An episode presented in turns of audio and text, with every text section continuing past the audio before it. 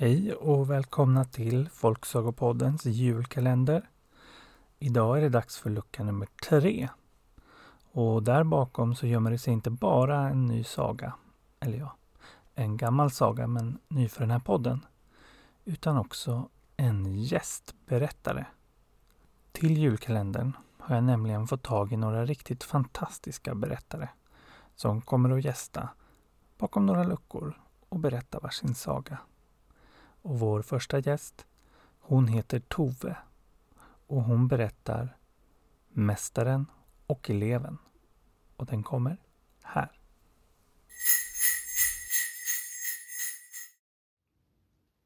Nu ska jag berätta en historia för er om en pojke. Pojken bodde i en liten stad tillsammans med sin mor och far. Pojken tyckte mycket om att läsa och var väldigt duktig på det. En dag så gick han ut i stan för att söka sig ett arbete. När han strosade runt i staden så stötte han på en man som frågade pojken vart han var på väg. Jag är ute och söker mig ett arbete, svarade pojken. Vill du arbeta hos mig? frågade mannen då honom. Ja, gärna. Jag tar vad som helst, sa pojken. För han ville verkligen skaffa sig ett arbete. Men eh, kan du läsa? frågade mannen då. Absolut. Jag läser lika bra som prästen, svarade pojken nöjt. Då kan jag inte ha dig, sa mannen. Jag behövde en pojke som inte kunde läsa. Hans enda arbete skulle vara att damma av alla mina böcker. Mannen gick sin väg och lät pojken stå kvar på gatan och titta efter honom. Det var allt synd, tänkte pojken. Det arbetet hade verkligen varit perfekt för mig.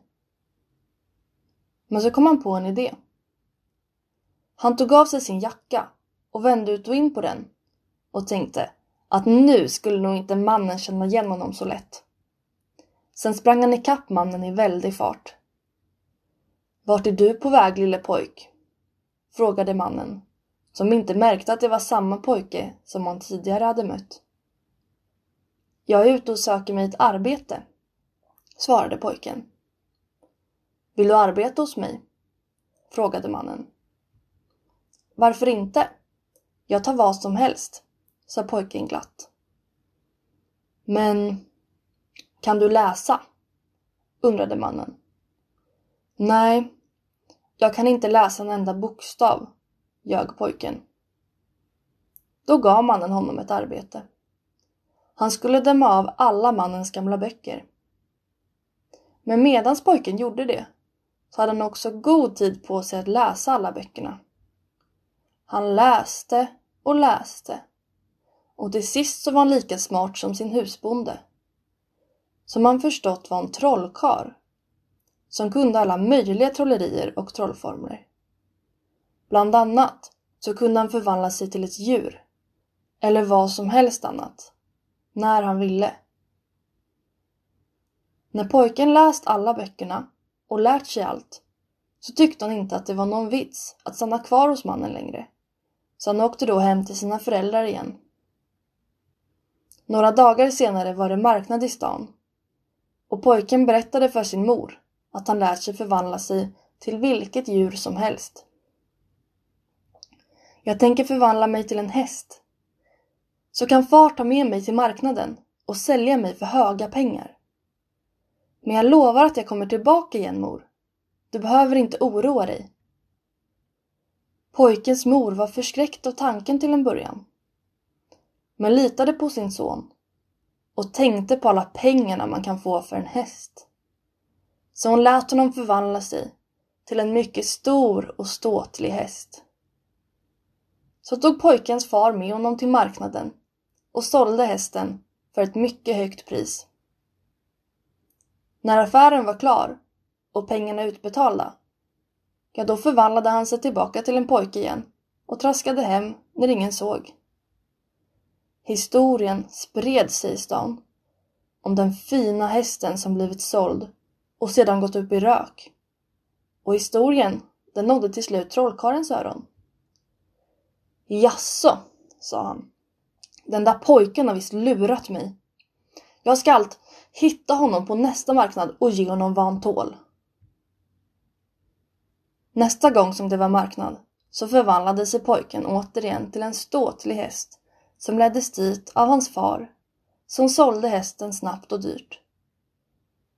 Trollkaren, han gick runt bland folket och när han fick syn på hästen så förstod han genast att det där, det var ingen vanlig häst. Det måste vara pojken. Han gick fram till köparen och erbjöd honom en högre summa pengar än vad han gett för hästen. Och det, det gick köparen glatt med på.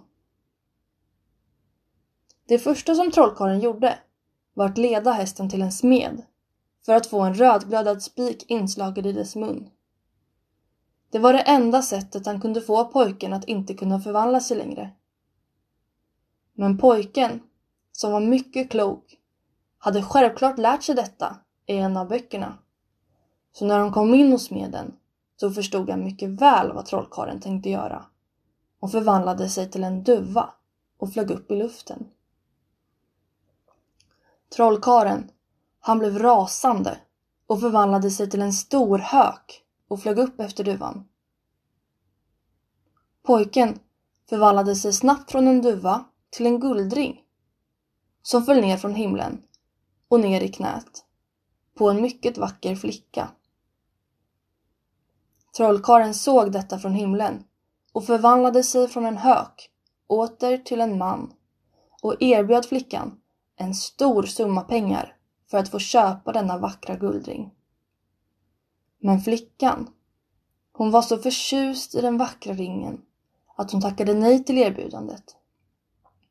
Men trollkaren gavs inte och erbjöd andra, mycket finare och dyrare saker till flickan. Pojken blev då rädd och förvandlade sig från en guldring till ett sädeskorn som rullade ner på marken. Trollkaren förvandlade sig då från en man till en höna som febrilt började leta efter kornet i gruset. Men då, då förvandlade sig pojken kvickt från ett sädeskorn till en iller och bytte av huvudet av hönat i ett enda nafs. Nu var trollkarlen död. Illern tog sig tillbaka till en pojke igen och blev så förälskad i flickan som satt framför honom att han friade. Och de gifte sig lyckligt.